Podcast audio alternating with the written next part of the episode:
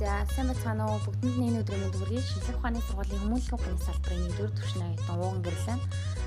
Та бүхэнд өнөөдөр гадаадын уран зохиолоос Ransom Riggs-ийн хадагтай бэргэрний онцгой хүмүүс номыг сонгож танилцуулахад бэлэн болсон байна. Зохиолч нь Ransom Riggs нь 1979 онд Мэриланда төрж Флорида мужид улсад төссөн. Тэрээр авьяаслаг хүмүүс зориулсан Pine View сургуульд суралцсан. Тэрээр Kenyan коллежид англи хэл судлалын чиглэлээр суралцаж Өмнөд Калифорни их сургуульд сурсан. Нь сонин сонин гэрэл зургийг цуглуулж хэвлэмэл номон дээр тэдний заримыг нь хэрэглэх тухай нийтлэл гаргасан байсан. Тэр гэрэл зургуудын зарим нь хатагтай перерний онцгой хүмүүс номонд хэвлэгдсэн гэж хэлж болно. За хатагтай перерний онцгой хүмүүс Тэгээ номон дээр нь бол маш гайхалтай, аимшигтай гэрэл зургнууд бол хэвлэгдсэн байдаг. За хатагтай бэргэрний онцгой хөгтөд асрамжийн газар зохиолын хувьд нь 1-р дэвтэр болох асрамжийн газар нь 2011 онд, 2-р дэвтэр болох хоосон хот нь 2014 онд, 3-р дэвтэр болох сүнснүүдийн номын сан нь 2015 онд, 4-р дэвтэр болох өдрүүдийн газрын зураг нь 2018 онд хэвлэлтэн гарсан байдаг. За номыг монгол хэлний орчуулсан орчуулагч Гандар гэж хүн байгаа. Түүний Facebook дэх нийтлэлээс нь хүргэхэд а энэ номыг бол 2016 оны 9 сарын 1-нд бол санал ирсэн байдаг.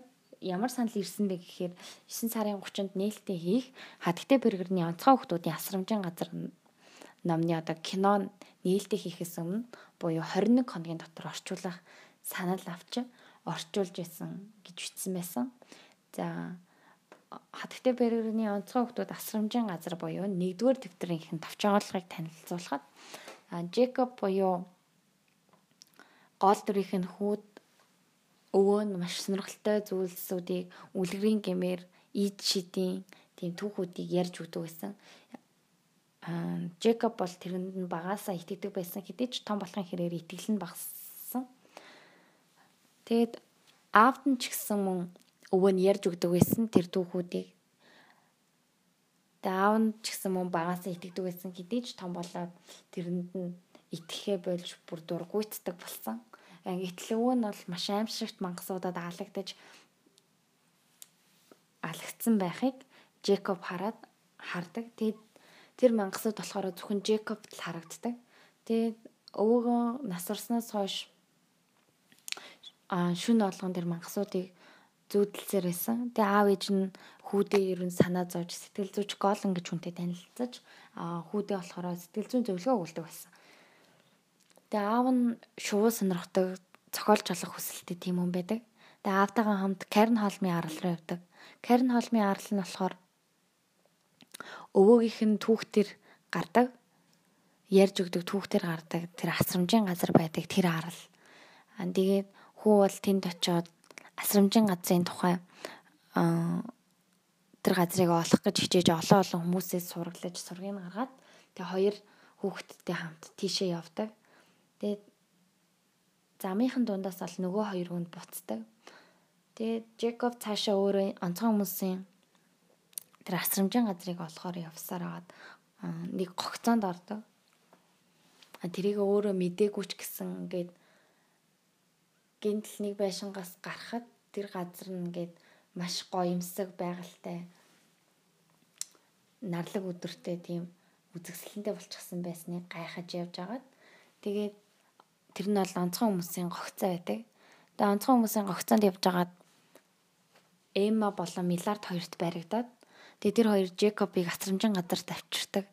Тэгээд Перерийн болон бусдтай танилцаж өөрийнхөө онцгой чадварыг мэд онцгой хүүхдүүд нь болохоор гарнаасаа гал гаргадаг Эмма маш их хүчтэй охин Бровин үл үзэгдэгч хүү Миллард агаараас чөнгөн хүнд хүнд гутлал өмсгөл дээшээ хөөрчихдэг охин Олив зүүн бэлэгтэй хүү Хорац үхсдийг түр хугацаагаар амжилтдаг хүү Энок би дотроо зүгийн амьдралдаг хүү Хью ургамал оргуулах охин Пиано хатагтай Пергерийн болохоор шувуу болдог онцгой хүүхдүүдийн удирдахчид нар нь болохоор бүгдээрээ шувуу болж хувирдаг.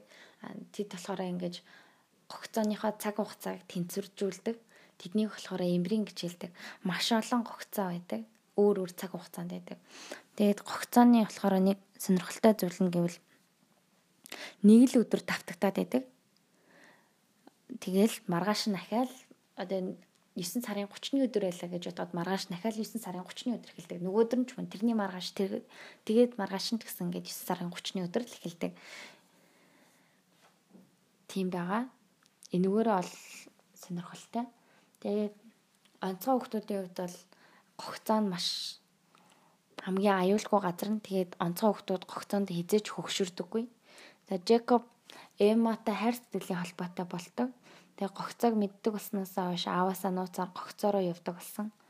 Тэгээ өвөөг нь өгөхөд байсан мангасууд бол онцгой хүмүүсийг ангуучилдаг. Тэднийг болохоор хоосон зүрхт гэж нэрлэдэг.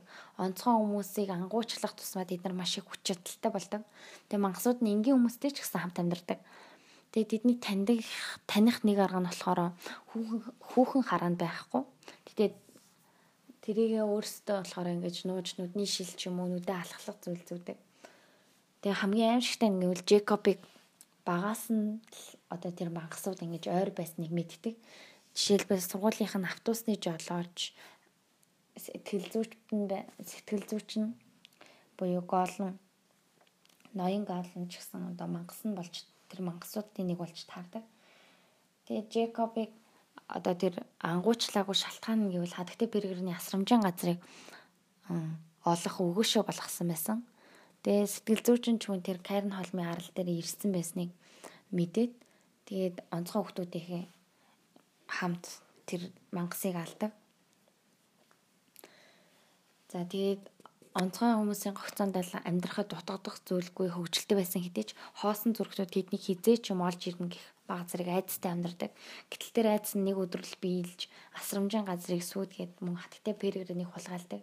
Тэгээд тэд эмбренийгээ буцааж авдаг боловч шувуу болоод гинцчихсэн байсан учраас хүн болж чадахгүй гацчихсан байсан. Тэгээ хэрэгтэй зүүн зүйлсээ аваад заваар далаад гарч өөр гогцороо явж төгсдөг байгаа. Тэгээ явахынхаа өмнө бол Джейкоб аавда цагтл үлдээгээд явдаг.